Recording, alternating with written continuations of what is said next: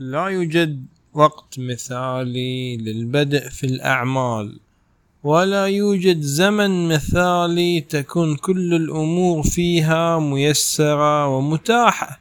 ابدأ بما لديك ابدأ الآن ولا تسوف.